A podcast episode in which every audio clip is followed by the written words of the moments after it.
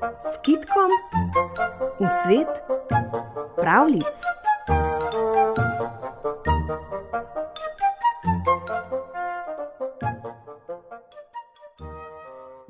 Nekoč je v kraljestvu sladkarija, ki je počivalo na sedmih gričih, živel neumen star kralj, velik ljubitelj čokolade.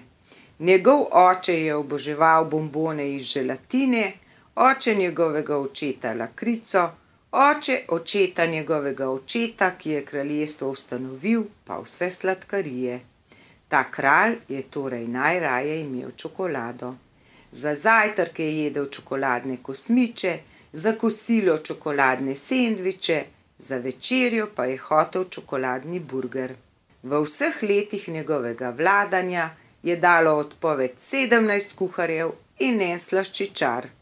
Grad je dal pobarvati na rjavo, da bi opeke spominjale na tablico čokolade, v obrambni jarek pa je dal naliti vročo čokolado. Grajski zmaji v jarku so bili tako zaliti, da so v vodi ležali kot velike rjave gmote. Najhuje od vsega pa je bilo, da je neumni stari kralj svoje tri sinove poimenoval Nugat, karamel in kakav, svojo edino hčer pa kremica. Otroci so zaradi tega trpeli, saj so si od nekdaj želeli, da bi jim bilo ime Tomi, Riki, Hinko in Rozalinda. Nekega jutra, ko je kralj v ječi pomagal mešati nov sodček čokolade, je prihitel poveljnik stražarjev in kričal: Gospod, gospod, napadli so nas! Tako neumen pa kralj spet ni bil, da ne bi vedel, kako ravnati s čokolado in kako v vojni. Odhotel, odhitel je po stopnicah navzgor in naravnost v kraljevo vojaško sobo. Tam je naletel na svoje otroke in vse modre može in žene v kraljestvu, ki so čakali nanj. Kdo nas je napadel? je vprašal kralj. Kremica je pokazala proti oknu. Tam daleč proč, na začetku doline, je stala vojska, velika kot rjav madež na sedmih gričih. Jih poznamo? je hotel izvedeti kralj. Niso nam povedali, kako se imenujejo, je odvrnil karamel. Tudi nekateremu kralju služijo, je dodal nugat. In tudi ne, zakaj so prišli, je rekel kakav.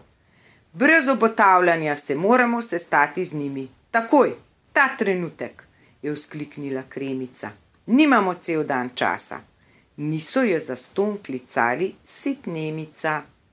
Kralj si je nadel oklep, pripel meč in se pripravil na boj. Pomagali so mu na konja in točno opoldne je jezdil na čelu svoje vojske proti napadalcem. Karamel, nugat in kakav so jezdili tik za kraljem, kremica pa je jahala v boku in upila: Pohiti, oče, zavi levo, zavi desno in naravnost. Stojte, je rekel kralj. Kraljeva vojska se je ustavila. Zrli so v številčno rjavo vojsko, ki je stala na vrhu gorskega prelaza in zapirala prehod. Vojska se ni premaknila ne naprej, naprej, ne nazaj in ne gor, ne dol, preletavalo pa jo je sto tisoče muh. Kako čudna vojska, je tuhtal kralj. Prihajal je nekoliko bliže, da bi videl, s kom ima opravka. Ko se je obrnil, da bi hčeri povedal, zakaj gre, je ni bilo več. Izginili so tudi sinovi in cela njegova vojska. Kralj se je spet obrnil k rjavim vojakom.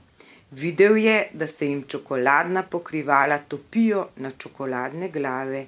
Čokoladne glave se topijo na čokoladne uniforme, čokoladne uniforme pa v čokoladne škornje. Pod opoldanskim soncem se je cela vojska stopila v čokoladno reko, ki je zdaj drvela proti kralju na konju. Oba, Kralja in konja je odneslo v jarek, kjer sta obležala ob debelušnih zmajih. Potrebovali so dva vitla, da so kralja dvignili iz jarka, ter dvanajst krtač, da so ga očistili. Ko so končali, je kralj sklical posvet s svojimi sinovi in hčerjo ter z modrimi možmi in ženami kraljestva. Da imaš rad čokolado, je ena stvar, je rekel kralj, a nekaj povsem drugega je, če se v njej skoraj utopiš. Dovolj je imam do konca življenja. Hura! so vzkliknili vsi. Potem se je kralj obrnil k otrokom. Da bomo vsi pomnili to odločitev, vam bom dal nova imena. Trije fantje so pomožiknili kremici, saj je bila čokoladna vojska njena zamisel. Pokleknili so pred očeta, ta je dvignil roke in naznanil. Od zdaj naprej, sinovi moji, vam bo ime Koren, Paradižnik in Zelnik. Ti, moja ljuba hči, pa se boš imenovala Cvetača. Cvetača, je začela kremica. A kaj, ko se nadimek sitnemica k cvetači nikakor ne poda, zato je utihnila. Verjemite ali ne, kraljestvo je tako postalo znano kot zelena solata, vladala pa mu je medtem, ko je neumni stari kralj umrl, dobra kraljica Cvetka, najlepši cvet v deželi.